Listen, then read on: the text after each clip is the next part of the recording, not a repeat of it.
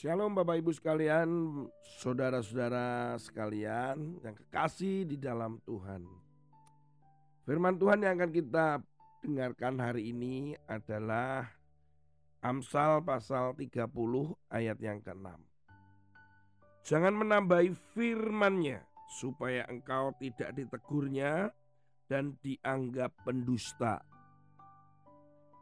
Bapak Ibu sekalian, Seringkali Alkitab kita ini diperdebatkan, dipertanyakan oleh mereka yang ada di seberang sana. Mereka selalu menghembuskan bahwa Alkitab ini sudah tidak asli. Alkitab ini palsu.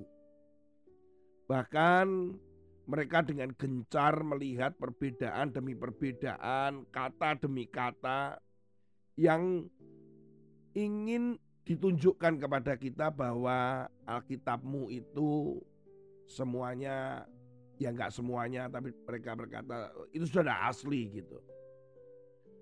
Saudara kekasih di dalam Tuhan, usaha apa pun mereka kita perlu tahu bahwa Alkitab itu diterjemahkan dengan berbagai versi memang berawal dari sebuah bahasa yang untuk disampaikan kepada semua orang. Satu kali saya melihat sebuah film di mana saat itu film itu tentang berbicara atau mengisahkan tentang Luther, Martin Luther.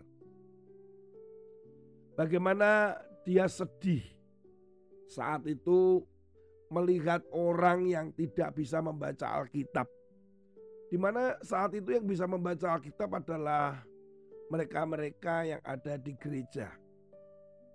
Tetapi jemaat tidak bisa. Sehingga mereka mengartikan dengan cara yang lebih mengerikan. Karena mereka tidak mengerti. Karena kalau satu bahasa saja mereka mencoba untuk membacanya dan yang lain tidak bisa membaca, itu berbahaya.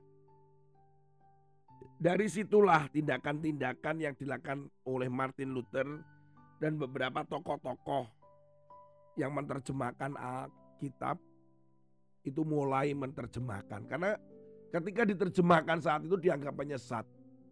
Salah satu penerjemah yang terkenal adalah Tindel. Tindel sendiri kan dihukum mati.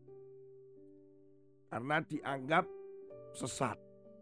Tetapi acuan diterjemahkannya menjadi bahasa Inggris menjadi acuan yang berikutnya berkembang. Bapak Ibu sekalian, diterjemahkan itu bukan usaha untuk menyesatkan tapi supaya dengan kondisi saat itu, budaya saat itu, situasinya disesuaikan dan tidak mudah loh menerjemahkan bukan hanya satu dua tahun, bisa puluhan tahun saya tidak bisa menceritakan di sini secara detail. Tetapi yang tidak diubah yang dimaksudkan di sini adalah dari yang asli. Untuk terjemahan-terjemahan itu akan muncul untuk semakin mendekati yang asli. Karena salah satu contoh ya Bapak Ibu. Dalam bahasa Inggris dan bahasa Indonesia misalkan. Bahasa Indonesia sendiri banyak dialek. Ada yang dari Jawa, Sunda, Batak, Dayak. Bahasanya begitu banyak. Dan bahasa-bahasa ini yang tidak bisa dan tidak selalu bisa diterjemahkan dengan bahasa yang lain. Begitu. Ini contoh-contoh ya, contoh. Ketika kita naik mobil di dalam bahasa Jawa itu kalau kita ada di belakangnya mobil, belakangnya mobil nih, kemudian mobil itu mundur, maka kita akan teriak. Hati-hati, hati-hati. Ini bahasa Jawa ya. Nanti kamu kunduran, kunduran, kunduran mobil loh. Kunduran. Nah coba itu di bahasa Indonesia akan kunduran tuh mana? Hati-hati nanti kamu kemunduran. Beda nanti. Padahal kita ngomong kunduran itu nanti kamu tertabrak mobil yang sedang mundur. Nah coba lagi di bahasa Inggris kan. Akan sulit lagi. Sama sekarang. Kita ngomong tentang beras. Bahasa Inggris mengatakan itu rice. Tetapi bahasa Indonesia ketika kita ngomong beras, ya itu masih belum belum bentuk nasi. Kalau kita ngomong nasi, bahasa Inggrisnya apa? Sama rice. Nah jadi kan kita nih konteksnya bagaimana ini?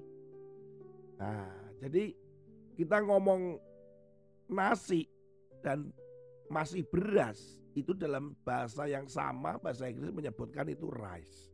Ini tuh contoh. Kan bukan berarti ketika bahasa Indonesia ini dari kata rice kemudian dikatakan saya sedang menulis atau menerjemahkan itu nasi kan bukan berarti saya mengurangi. Karena konteksnya apa? Tapi ketika saya menulisnya beras, saya juga bukan berarti mengurangi karena dilihat dari konteksnya. Nah, Bapak Ibu sekalian yang penting adalah kita yakin bahwa Alkitab yang kita baca itu adalah firman Tuhan. Bacalah, bukan hanya sekedar kita mendengar seperti ini tapi baca, selidiki, dalamin karena firman itu begitu kaya.